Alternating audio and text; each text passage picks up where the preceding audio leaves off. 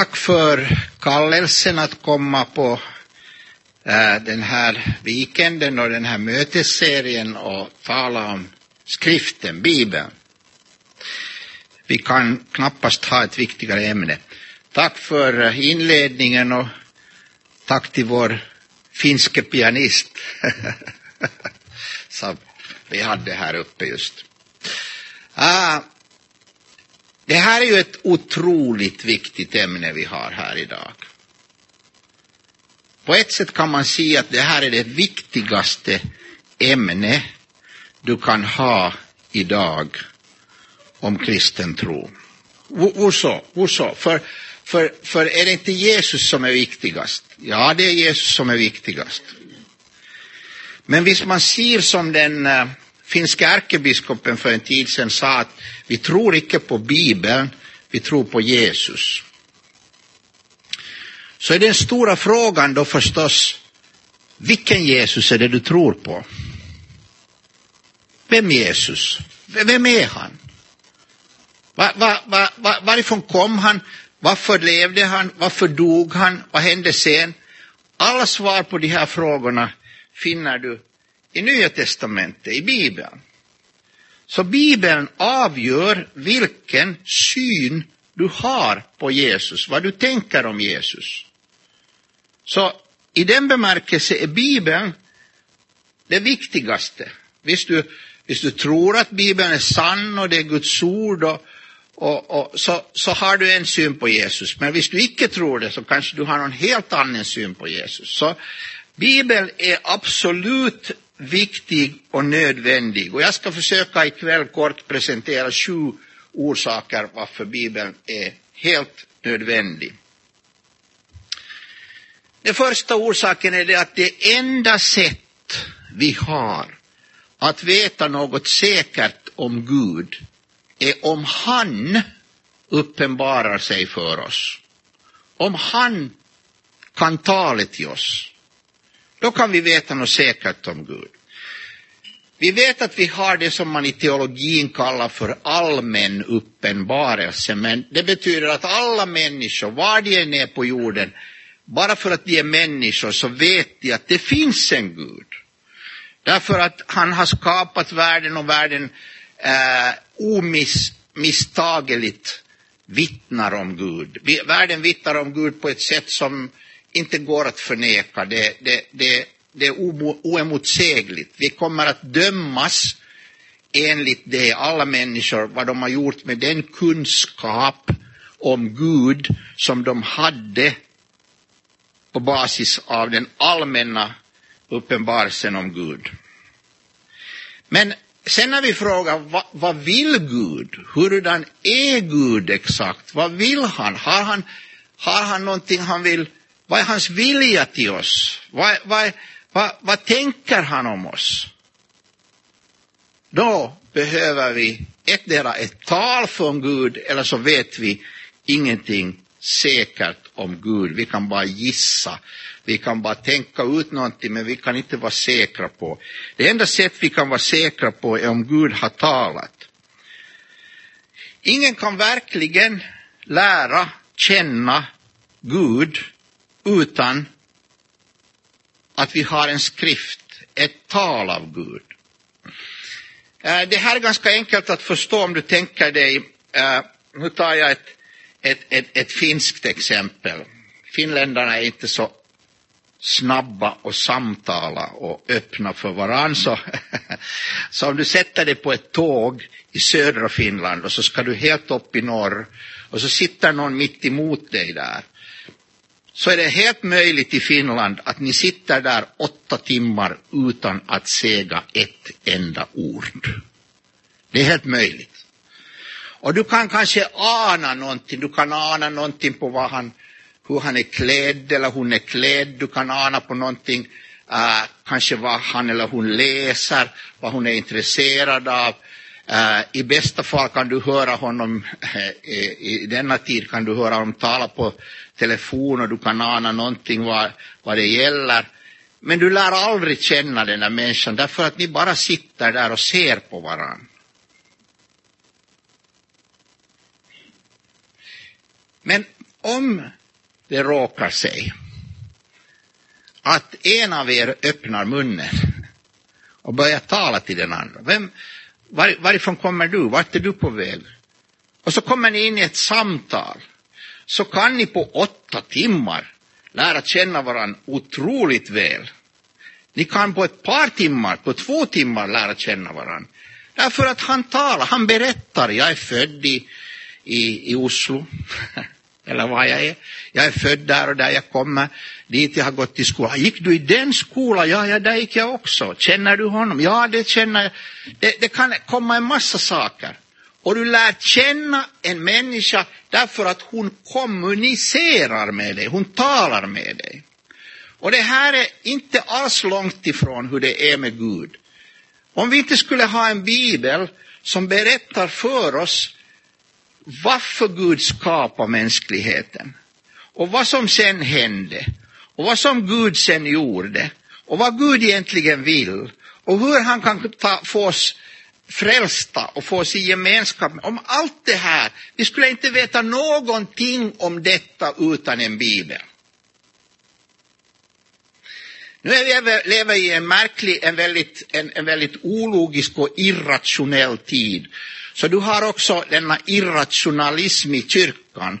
Så du har, eh, jag talar om finska kyrkan, så du har eh, i finska kyrkan folk som säger Bibeln är inte Guds ord, det här är inte Guds ord, det här är bara en vanlig bok, människors tankar om Gud. Och i nästa mening säger de, men det är alldeles säkert att Gud är kärleken. Och jag frågar hur, hur vet du det? Hur vet du att Gud är kärleken? Jo, men det är alldeles säkert att Gud är kär. Hur vet du att han är kärlek? Se, se omkring dig, se på den här världen. Ser det ut som en kärleksfull Gud skulle ha skapat den här världen? Ja, det kan se ibland ut så om man ser på en solnedgång eller någonting. Men du kan också se saker och ting som får dig att tvivla om det överhuvudtaget kan finnas en Gud och om han är kärlek. Så om inte du har en berättelse där han verkligen talar till dig, om han inte har blivit människa, om han inte har talat, så kan du inte lära känna Gud.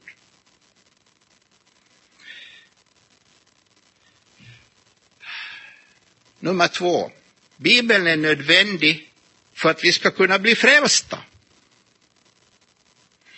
Hur, hur, kan det komma sig? Därför att människan kan inte bli frälst utan Guds ord. Så kommer då tron av det budskap man hör och budskapet kommer av Kristi ord. Uh, på bibelskolan, uh, vår organisation har i Finland så hade vi en, uh, en, en, en kurs för ungdomar som är intresserade av musik och, och, och, och, och konst och, och, sådana ting. Och så, det, det, var mycket, mycket begåvade, fina ungdomar och så, så, så hade de bett, ja, de, hade, de, hade, de, hade, de hade spurtat om jag kunde ha ett bibelstudie för dem. Eller några bibelstudier. Och så, och så sa jag, det går väldigt bra. Och så hade vi det. Och så, och så, så sa jag till dem så här under bibelstudiet. Ingen kan bli frälst utan att höra eller läsa Guds ord. Så gick det upp åtminstone 15 händer där i salen. Varannan hand var uppe. Och så var, jo, jo, jo, men jag har en vän och han, han läste inte Bibeln. Han såg en, en, en sak där, där och, och det hände någonting och så, och så blev han frälst. Och följande sa, ja men jag hade en vän och han, han, han bara lyssnade på musik, det var inte ens ord i musiken och, och han blev frälst. Och så sa jag, får jag bara ställa en, en fråga? Han bara en fråga. Ja. Vi tar dig där, sa jag till den första. Du, du berättade att din vän kom till tro utan att ha hört Guds ord. Okej? Okay? Vilken Jesus är det han tror på?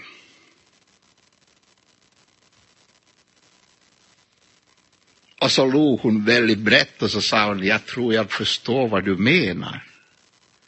Så jag är jätteglad om du förstår vad jag menar. Vilken Jesus är det du tror på? ögonblickligen du svarar på den frågan, om du säger jag tror på den Jesus som är Guds son, ja då har du hört det från skriften. Det har du inte hört, det har du inte sett i en soluppgång eller nedgång. Jag tror på den Jesus som dog för oss. Ja, nu har du alldeles säkert hört en predikan eller du har hört Guds ord, för du kan inte komma på av dig själv att Jesus dog för våra synder. Det står inte skrivet på himlen. Det, det kan du inte uppleva i ditt inre utan att du har hört detta budskap. Du må höra detta budskap, du må läsa det. Det är nödvändigt att vi har en skrift, ett ord från Gud, ett budskap för att vi ska bli frälsta, så att vi vet vad vi tror på. Annars kan vi säga jag tror och sen frågar vi vad tror du? Mm, jag vet inte vad jag tror. Men om du säger jag tror på Gud fader som skapar himmel och jord och så vidare. Då tror du enligt skriften och bekänner enligt skriften till exempel den apostoliska trosbekännelsen och då har du en tro som bygger på Bibeln och du skulle inte ha den tron och den trosbekännelsen skulle inte finnas utan skriften. Så du må, vi må ha en skrift för att kunna bli frälsta. Uh, vi är födda på nytt, säger Bibeln. Av oförgänglig sed. Icke av förgänglig sed, men av oförgänglig sed. Genom Guds levande ord som är och blir. Detta ord är så kraftigt att det kan föda dig på nytt. Det är ett kraftigt ord.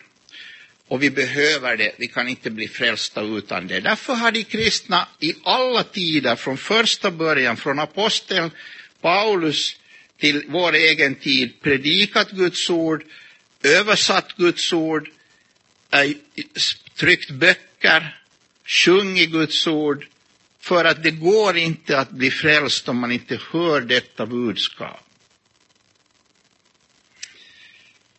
Uh, ibland när jag har sagt det här i Finland så är det, så är det, så är det någon som säger, ja men har du hört om att det är mycket muslimer som kommer till tro som aldrig har sett en bibel och aldrig hört Guds ord?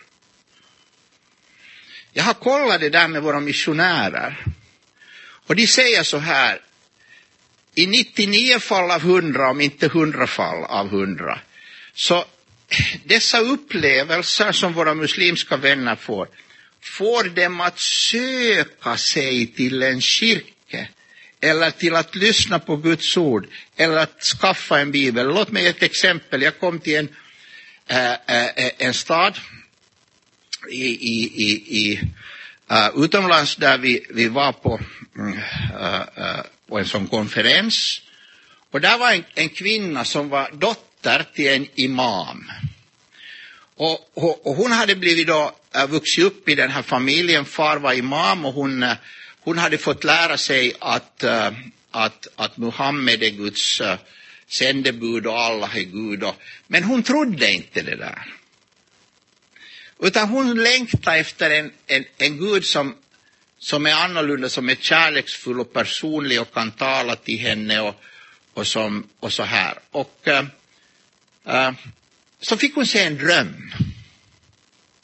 Hon såg en bok med, med en viss pärm på. Det var en bild av en kar på den här boken. Det var en sån här Jesusbild. Och hon såg den där bilden i, och så ingenting annat. Hon bara såg den där bilden. Men så hörde hon liksom i drömmen någon som sa till henne att äh,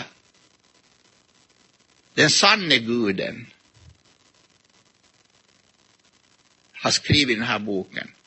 Den här boken berättar om den sanne guden. Och så vaknade hon på morgonen och livet fortsatte och så vidare. Men så en dag senare, långt senare, kommer en missionär till den där staden hon bor. Och så predikar han evangelium och så delar han ut nya testamenten. Och så får hon ett nya testamente och så blir hon chockerad. Det här är den där boken jag såg. Det här är boken jag såg i drömmen. Och så börjar hon läsa den här boken och så blir hon frälst och kommer till tro på Jesus och hennes far kastar ut henne ur hennes hem och hon måste fly och så vidare. Men hon kom till tro på Jesus därför att hon läste Guds ord. Och hon fick en dröm som gjorde att hon blev dragen till Guds ord. Det kan vi gärna få. Vi kan få en massa saker som drar oss till Gud. Billy Graham, den kände, vers, kände evangelisten, berättar om en karl som satt bredvid honom i ett flyg och, och, och, så försökte han tala med honom om Gud och han var inte minsta intresserad, inte minsta. Och så plötsligt kommer planet i en sån, sån uh, vakuum Eh, eh, situation att det faller helt okontrollerat, sån, en liten bit. Och plötsligt vänder sig mannen till Billy Graham och säger, vad var det du sa om Gud? Du kan gärna få en upplevelse som drar dig mot Gud, men du kan inte få kunskap och frälsning utan att höra det sanna evangeliet om Jesus Kristus som är korsfäst för dig och uppstånden. Vi, Bibeln är nödvändig för att människor ska bli frälsta. Nu när jag säger Bibeln förstår du att det betyder ju inte att du måste nödvändigtvis ha hela Bibeln. Det finns många länder och folk som har bara en del av det. Men du måste ha någon del av Guds ord som du kan finna evangeliet i för att du ska kunna bli frälst. Du måste ha Guds ord för att kunna bli frälst. Annars går det inte. Nummer tre, Bibeln är nödvändig för att vi ska kunna höra Gud tala till oss. Nu blir det mer spännande. Nu kommer vi ju in i en tid som säger nej, nej, nej, Gud talar direkt till mig. Jag höll två timmars bibelstudium på en ort i Finland. Det var en grupp som vi är här nu och jag förklarat att Bibeln är Guds ord och den är inspirerad av Gud och det, vi, vi ska lyssna på Guds ord och så här. Och, så, och att det är så underbart att Gud har talat till oss. För även om jag presenterar det här nu att Bibeln är nödvändig för att, så det, det, det största, det, det, det underbara är att han har talat till oss. Han har talat till oss. Vi har Guds ord. Men jag, jag, jag försökte förklara det här två timmar efter varandra. Och så sa jag, är det någon som vill fråga någonting? Så var det en dam som genast ville fråga, och hennes fråga var, ja men Bibeln är på många sätt, när man läser, så den är så torr. Är det inte mycket mer intressant när Gud talar direkt till mig? Vet du, ibland som predikant, nu ska jag bekänna någonting, så upplever du att jag ger upp. Jag ger upp. Jag reser hem. Jag förklarar i två timmar. Detta är Guds ord. Guds ord det är här han talar. Jag säger, men, ja, men det är så torrt. Jag vill höra det direkt. Men hur vet du att det du hör är sant Guds ord? Det enda sätt du skulle kunna veta det är att du kollar med den här boken om det stämmer med det som Bibeln säger. Om det stämmer med det. Om det icke stämmer, folk hör förunderliga ting, förunderliga ting. Jag, jag, jag vill inte eh, liksom håna någon eller så, men i en kyrka, på, i den by jag bor, så var det en kvinna som gick fram till en man på ett bönemöte och sa att jag har, jag har ett ord från Herren till dig. Jag har ett budskap från Gud till dig. Och så sa han, vad är det? Det är det att du är gift med fel kvinna och du ska lämna henne och gifta dig med mig. Mm. Och han som är lydig lärjunge, han lämnade sin fru och gick med henne. Men detta ord är jag personligen, ursäkta, men jag är hundraprocentigt säker, inte 99, att det inte kom från Gud. Jag tror det kom från hennes syndiga hjärta. Hur ska jag veta vad det jag hör och upplever är från Gud? Du måste kolla det med boken. Du måste kolla det med det som är hundraprocentigt säkert Guds ord, som står skrivet här. Det är nödvändigt att vi har en bibel för att vi ska kunna höra Guds tal till oss. Guds röst i vårt inre går att lita på endast om den leder oss i samsvar med Guds ord och inte leder oss över, under, förbi eller emot det som Bibeln, Guds ord, lär oss. Vi har inte Guds ord i oss själva om det inte först planterats i oss genom Bibelns ord, förkunnat eller läst. Vi må, vi må höra det, läsa det för att vi ska kunna sen ha detta Guds ord som vi har hört och läst. Och så är frågan förstås den som vi får då. Okej, okay, om Bibeln är Guds tal, men vems tolkning ska vi följa? Uh, om man ska läsa Bibeln som högsta auktoritet, man ska läsa den i sitt eget sammanhang, man ska läsa Bibeln i ljuset av hur den blivit läst i kyrkans historia och man ska läsa den i gemenskap med andra kristna. Eh, det är allt jag vill säga idag, för vi kommer in på den här frågan senare sen under, under weekenden. Bibeln är nödvändig för det fjärde för att vi ska kunna växa som kristna. Vi ska kunna växa som kristna. Eh, det är många saker som leder till att den kristne växer. Våra, våra, vår kamp med, med många saker i livet, våra upplevelser, våra, ah, det arbete vi gör uh, och så vidare. Men vi kan inte egentligen i sanning växa som kristna om vi inte har Guds ord. Varför det? Jo, därför att genom Bibelns ord är det Gud själv som undervisar, som leder, som tillrättavisar, som uppdrar och så vidare. I själva verket är det så här att din hållning till Bibeln visar din hållning till Gud själv. Om du säger jag vill växa som kristen, läs den. Läs den. Ja, men jag vill växa verkligen snabbt, nå läs den snabbt.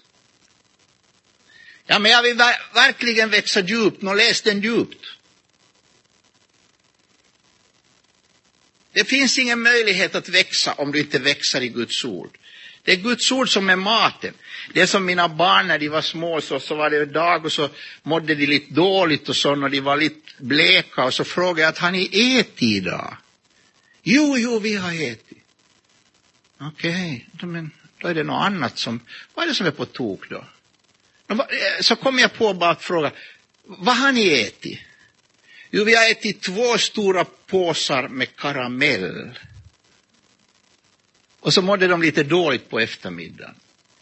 Och det, jag, det är många kristna som undrar, ah, jag växer inte, det sker ingenting, det blir ingen förnyelse i mitt liv. Gud verkar vara långt borta. Och så äter de aldrig något annat än karameller. Vad är det som jag menar med karameller? Det är en upplevelse här, ett ord där, en, en andaktstanke där, någon, någon, någon berättelse här. Någon har varit i himlen och kommit tillbaka och berättat lite om det och det är intressant. Och, men de läser aldrig Guds ord, Bibeln. De läser aldrig Guds ord, Bibeln. Och det är som att äta karamell dagen lång. Och följande dag, och efter två veckor så mår du så dåligt. Du må få en ordentlig måltid. Du måste få ett Guds ord. Du måste få ett undervisning i Guds ord. Vet du hur många människor under min tjänst i, i, som, i, under mitt liv som, som, jag har, som jag har hört som kommer fram och ibland med tårar, ibland utan tårar men säger till mig det, jag har aldrig i mitt liv tidigare förstått det här, men nu när jag har lyssnat på det här med Efesierbrevet eller Romarbrevet eller vad det vara må, att, att, att nu har det gått upp så mycket ljus, jag är, jag, jag är så välsignad, jag har Guds ord, de har första gången i sitt liv fått en ordentlig måltid. Vi måste få Guds ord. Det finns en hunger där ute av Guds ord. Och vi ska inte annars köra detta mot evangelisation. Vi, vi behöver evangelisation, förkunnande av evangeliet och så behöver vi undervisning. Och det är inte motsatser. Vi har haft människor som kommer på kurs och ska lära sig och, och, och fråga lite sådana, kan jag, kan jag komma? Jag vet inte något mycket om det här. Och sen går de hem och så har de blivit omvända och tar emot Jesus som sin frälsare och de, är, de, de, de har förstått vem han är. Det var just en ung dam som, som ringde mig och frågade kan jag ta min mor med på Bibelns röda, kurs, röda trådkurs. Kan jag ta min mor med? Hon, hon, är inte, hon är inte kristen, men kan hon komma? Hon är hjärtligt välkommen, så Hon är hjärtligt välkommen. Säg det till henne att, att, att hon är hjärtligt välkommen på kurs. Och så kom hon med och så lyssnade hon på, om skapelse, syndafall, frälsningen, Messias profetior Jesus död, uppståndelse, andra tillkommelse, hela paketet. Och sen när de går ut så, sa, så, så, så, så skrev den här unga damen till mig att mamma vände sig till mig och hon grät och hon sa, jag vet att jag får vara ett Guds barn. Nu vet jag att jag får vara ett Guds barn. Jesus har betalat för mina synder. Han har dött för mig. Jag får vara ett Guds barn.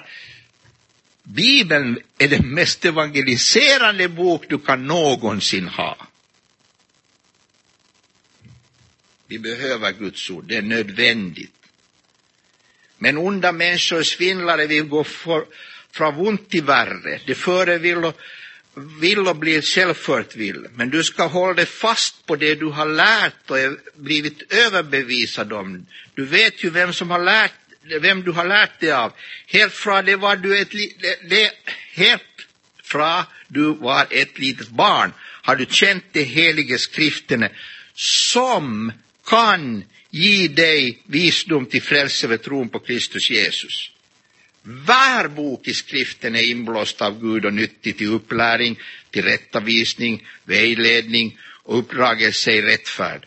Så de människor som tillhör Gud kan vara fullt utrustade till att all god gärning.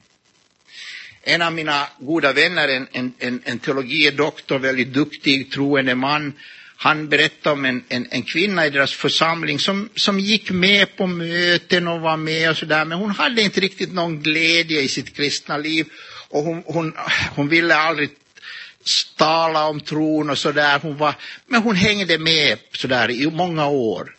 Och sen hade hon kommit fråga honom att vad, vad är det liksom, jag, jag, får inte liksom någonting liksom tag i det här kristna livet. Så gav han henne bara ett enkelt råd att ha, läs, läs igenom Bibeln. Ta och gör det, läs igenom den här boken. Du kan börja med Nya Testamentet, läs den en gång. Och hon började läsa det där. Och han sa att inom några månader när hon läste genom skriften så blev hon en vittnande, glädjefylld kristen. Därför att Guds ord gjorde någonting med henne. Guds ord gör någonting med dig. Det, det, det kan inte, det kan inte, äh, det står så här i, i Jesaja att det är som regnet som kommer från Gud, att det återvänder inte utan att göra det som Gud har sänt det för. Gud har låtit skriva romarbrevet genom Paulus. Om du läser det så gör det någonting med dig. Det gör någonting med dig. Varje bok i skriften är inblåst av Gud och nyttig till upplärning, till rättavisning, vägledning och så vidare. Den högsta auktoriteten i vårt liv är inte våra personliga upplevelser, inte ett kyrkemöte, inte den senaste akademiska undersökelsen, utan Bibeln. Så är det för kristna och har alltid varit. Och så ska det vara ända till slut. Nu må vi ju bekänna att den här, den här, det här tror inte alla. Det som står där, att Bibeln är den högsta auktoriteten. Utan det är många som menar att det är någonting annat som är den högsta auktoriteten. Och den här den, den här äh, övertygelsen du har i den här frågan, den går rakt igenom hela den kristna, hela kristenheten i världen idag och spränger, delar upp kyrka efter kyrka. Lutherska kyrkan har blivit uppdelad. Hela världsvida metodistiska kyrkan har blivit uppdelad. Nu senast har anglikanska kyrkan är helt i två bitar. När det, och varje gång är det fråga om spörsmålet om äktenskap. Men det är inte fråga om äktenskapet i sig, utan det är fråga om om det här är Guds ord, om vi fortfarande ska hålla oss till det. Om det här är högsta auktoritet. Och de som håller sig till det säger att ja, ja vi, vi ska hålla oss också i äktenskapsfrågan, också i den här frågan, också i den där frågan. Och sen är det de som säger nej, nu kan vi ge upp det här. Paulus visste inte vad han talade om, vi vet bättre. Och så vidare. Och då blir det en uppdelning. Och den här uppdelningen kan vi inte undvika. Den går genom hela kristenheten idag. Överallt. Baptistkyrkan, pingstkyrkan. Den går över hela kristenheten. De som håller sig till Guds ord och de som icke håller sig till Guds ord. Så har det varit hela tiden. Så var det i, i, i reformationen när Luther upptäckte evangeliet på nytt och så sa han tillbaka till skriften, vi ska läsa Guds ord. Guds ord undervisar så här, så började han undervisa romabrevet, så upptäckte han vad evangeliet är. Så var det de som följde honom och så var det de som icke följde honom. Guds ord delar, men det är också tar samman och håller samman de som tror att Bibeln är den högsta auktoriteten. Bibeln är nödvändig för det femte för att vi ska bära frukt som kristna. Äh, för att vi ska bära frukt som kristna så måste vi sprida Guds ord. För ordet bär alltid frukt. Utan ordet blir det ingen varaktig frukt. Ordet är det som ger tillväxt, det som bär frukt. Så vad du än gör, vad du än gör i det kristna livet, om du har ansvar för barnarbete, ungdomsarbete, vuxenarbete, mansarbete, kvinnoarbete, whatever, vad, vad du än har ansvar för, se till att i allt det du gör, att du också sår ut Guds ord. Att du också ser till att människor får höra och läsa Guds ord. För det bär frukt. Det bär frukt. Uh, samtidigt som de västerländska kyrkorna förlorar miljoner, sammanlagt miljoner medlemmar årligen. En, enbart tyska kyrkan förlorade i, i eh, förra årets 380 000 medlemmar. Det är mycket folk. Om de skulle ha dem alla där på gatan så är det mycket folk. Som lämnar den kristna kyrkan. I Finland är det 60 000 per år eller något sånt. Äh, det är de som har räknat ut hur länge det räcker innan kyrkorna är tomma med den här farten. Samtidigt har vi en tillväxt. Eh, jag är redaktör för ett blad och det bladet som kommer ut nästa vecka har en stor artikel på den kristna kyrkans situation i Helsingfors, huvudstaden i Finland. Och där hade vi en journalist som, som tog reda på och, och ringde och, och, och forskade i det där och fick reda på att varje söndag går det cirka lite under 12 000, 12 000 människor till gudstjänst i Helsingfors, någon form av gudstjänst. Av dessa är det bara en tredjedel längre som går till evangelisk-lutherska kyrkans lokala församlingar och två tredjedelar går någon annanstans. Och denna situation är helt annorlunda än det var för 30 år sedan eller 40 år sedan. Vi har ett, en, en, ett, vi har ett skifte som är precis samma i Norge, Sverige, Danmark och Finland och Tyskland och så vidare. Där De gamla stora kyrkorna blir så liberaliserade, de ger upp Guds ord och då bär de inte längre frukt. Men de som förkunnar Guds ord, de bär frukt och, och så finns det en massa andra äh, ställen där Guds ord bär frukt. Inte att det är någon massrörelse, men det är att Guds ord bär frukt. Det är inte kraften i vår evne till övertalning, utan kraften i Guds ord som gäller. Som regnet och snön faller ner från himlen och icke vänder tillbaka dit, för det har vannet jorden och gjort den fruktbar och latt det spira och gro på den, gitt såkorn till den som skall så och bröt till den som ska spisa. Slik är det också med ditt ord, mitt ord, det som går ut av min mun. Det vänder inte tomt tillbaka till mig, men utför det jag vill och fullbordar det jag sänder det till. Så är det med Guds ord. För det sjätte, Bibeln är nödvändig för att, och ty Guds ande kan inte fylla oss om vi inte också fylls av Guds ord. Här har vi en hälsning till våra kära karismatiska vänner. Om du hör till dem så äh, har jag bara denna hälsning. Med respekt. Jag har många goda vänner som är karismatiker. Själv är jag luthersk. Men det här är min hälsning. Du säger att vi ska fyllas med Guds ande. Jo, det står skrivet i Efesierbrevet. Låt er fyllas av Guds ande. Och så står det en beskrivning vad som i så fall sker. Har du läst Kolosserbrevet? För där finns en annan befallning. Där står det låt Kristi ord likeligen bo hos er. Låt Kristi ord få riklig rom hos er.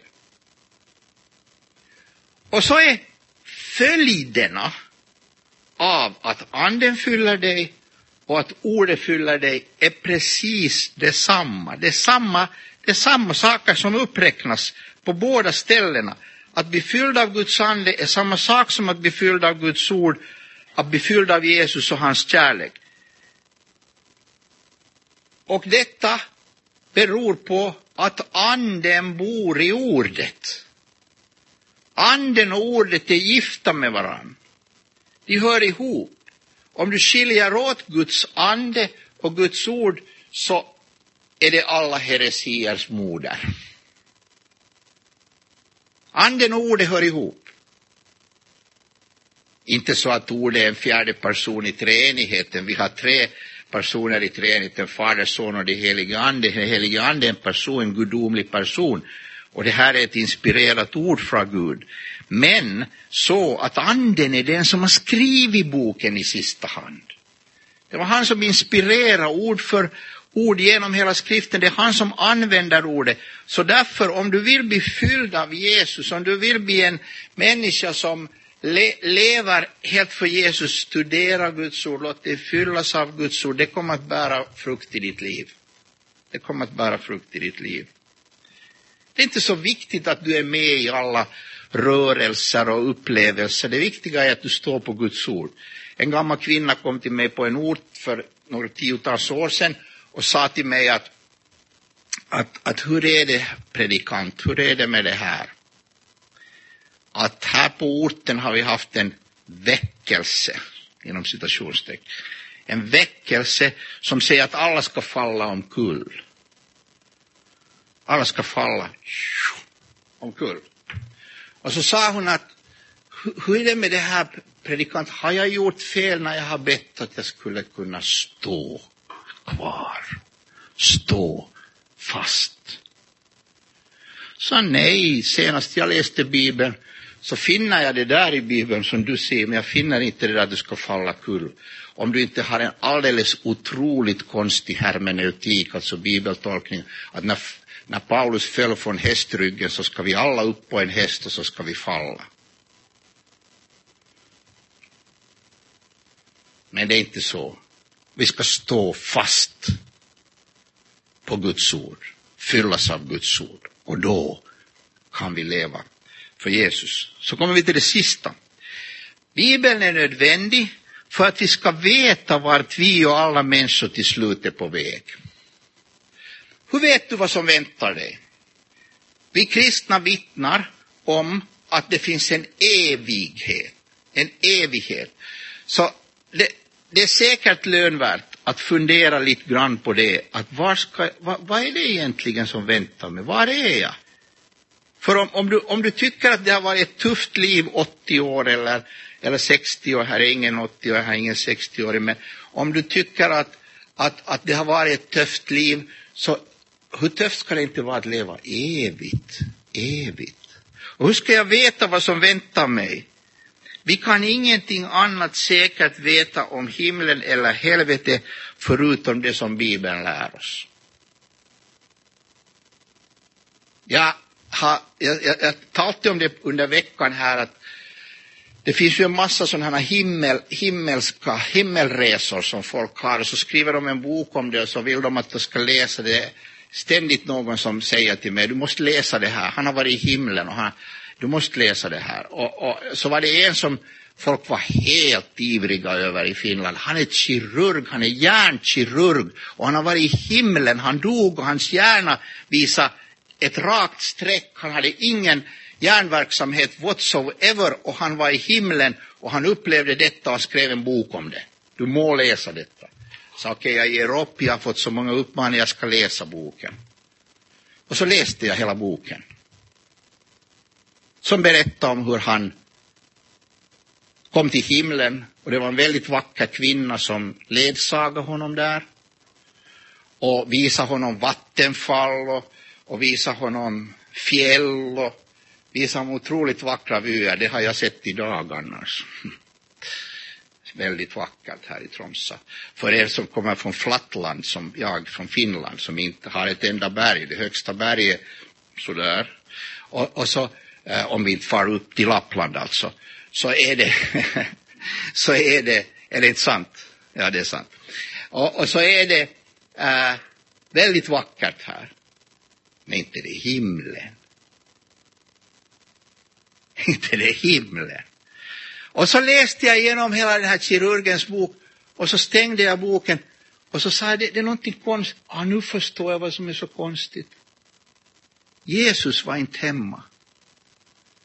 Jesus nämns inte i den här himmelboken en enda gång. Ingen Guds tron, ingen Guds helighet, ingen Jesus som lyser upp allting, ingen som han faller ner på sina knän för och tillber därför att det är en helig Gud. finns ingenting sånt här.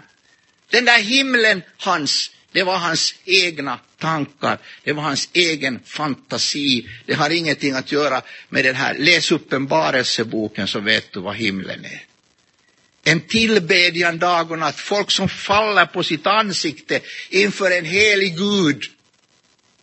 Det är någonting annat, det är himlen. Så jag rekommenderar dig varmt, spara dina pengar, köp ingen himmelbok, köp den här. Eller om du har den hemma, läs uppenbarelseboken. Vi måste sluta att läsa, le, leva på karameller. Vi måste leva på ordentlig mat. Guds eget ord. Hur vet du? Och sen är det en annan sak. Folk säger jo det finns en himmel, vad underbart. Och säger ja det är fantastiskt, det, det, det är obeskrivligt härligt. Och så är det obeskrivligt hjärtkärande att miljoner människor ikväll är på väg till ett evigt helvete. Utan en möjlighet någonsin att komma ut.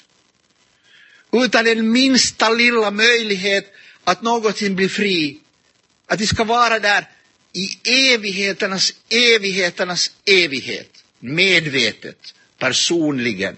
Därför att de har trampat Kristi kors under sina fötter. Och så säger människor, det där tror jag inte på. spelar ingen roll vad du tror. Sanningen är inte beroende av min eller din tro. Sanningen finns här. Det här är Guds ord. Och den här boken säger att det finns ett evig himmel och ett evigt helvete. Och att varje människa är i någondera. Det finns en dubbel utgång. Två adresser du kan komma till. Och så säger samma bok att vi kommer att bli dömda på basis av den här boken. Och vad säger den? Den säger den som har sonen, han har livet. Och den som icke har sonen, han kan icke se livet utan Guds vrede blir över honom. Så det är underbart att veta vart du är på väg. Jag har en gång gått upp in i en buss och, och, och jag var lite trött och lite så tankspridd så jag satt en stund, säkert fem minuter, tills jag plötsligt började tänka, vart, va, vart är vi egentligen på väg? Och så frågade jag kusken vart är vi på väg, så sa han en helt annan adress än dit jag ville. Jag var på helt fel, jag var i helt fel buss. Min gode vän, den före detta kristne ledaren i Norge, Anfinn Skåheim, som någon kanske kommer ihåg ännu, han var en väldigt god fin karl och han var ofta till Finland och predikade och fick vara hans tolk. Och han berättade att han gick in på ett flyg en gång. Och så kom han in i flyget och så sa kaptenen att, att, att välkommen på flyget till Stockholm. Och så hoppade han upp på sin stol, tog sin väska och började springa ut för han tänkte att han är i fel, fel plan. Och så hörde han till Stockholm där vi ska mellanlanda och sedan vidare till Oslo. Så fick han ta sin väska och gå tillbaka hela raden. Det är väldigt skönt att veta vart du är på väg. Det är bra att veta vart du är på väg. Vart är du på väg? Till himlen eller till helvetet? Det beror på vad du har gjort med Jesus. Det beror på om du har trott på Jesus, förtröstat på honom som din frälsare eller inte. Och det säger Bibeln till oss. Vi har ingen annan säker kunskap om Bibeln. Låt mig avsluta personligt. I januari, den första i första januari på morgonen dog min far. Den första i första det här året. Den tjugonde i första begravde vi honom. Mina söner och några andra unga män sänkte ner honom tre meter djupt. Och så häller man sand över och där är han. Det är mörkt, det är stilla, det är tyst, han är död. Och så ringer min mor och säger, äh, jag är anfäktad för pappa. Att har han det kallt och mörkt och hemskt så säger mamma, pappa har aldrig haft det så bra som han har det idag.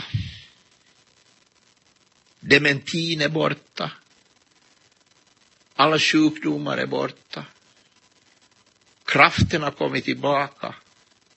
Hans kropp ligger i graven, men han själv är hos Jesus. Det är så det står skrivet. Och jag hörde min mor säga, ja det, det är ju så det är, det är skönt att det är så. Ja, det är verkligen skönt att det är så. Skulle jag ha stått där och sänkt min far tre meter ner i jorden och inte haft ett krist, en kristen tro, så har jag ingen aning vad jag skulle ha gjort. Jag vet inte vad jag skulle ha gjort. Jag skulle vara så förtvivlad att se min kärleksfulla goda far sänkas tre meter ner i marken. Men därför att jag har en bibel så vet jag var han är. Jag vet var han är. Jag vet att han tror på, trodde på Jesus största delen av sitt vuxna liv. Vi är så välsignade när vi har Guds ord. Vi vet någonting om Gud som är säkert. Vi kan bära frukt i vårt liv. Vi vet vart vi är på väg. Gud välsigne dig. Ta emot Guds ord. Lev på Guds ord och du ska få se att Guds ord håller att leva på och det håller att dö på.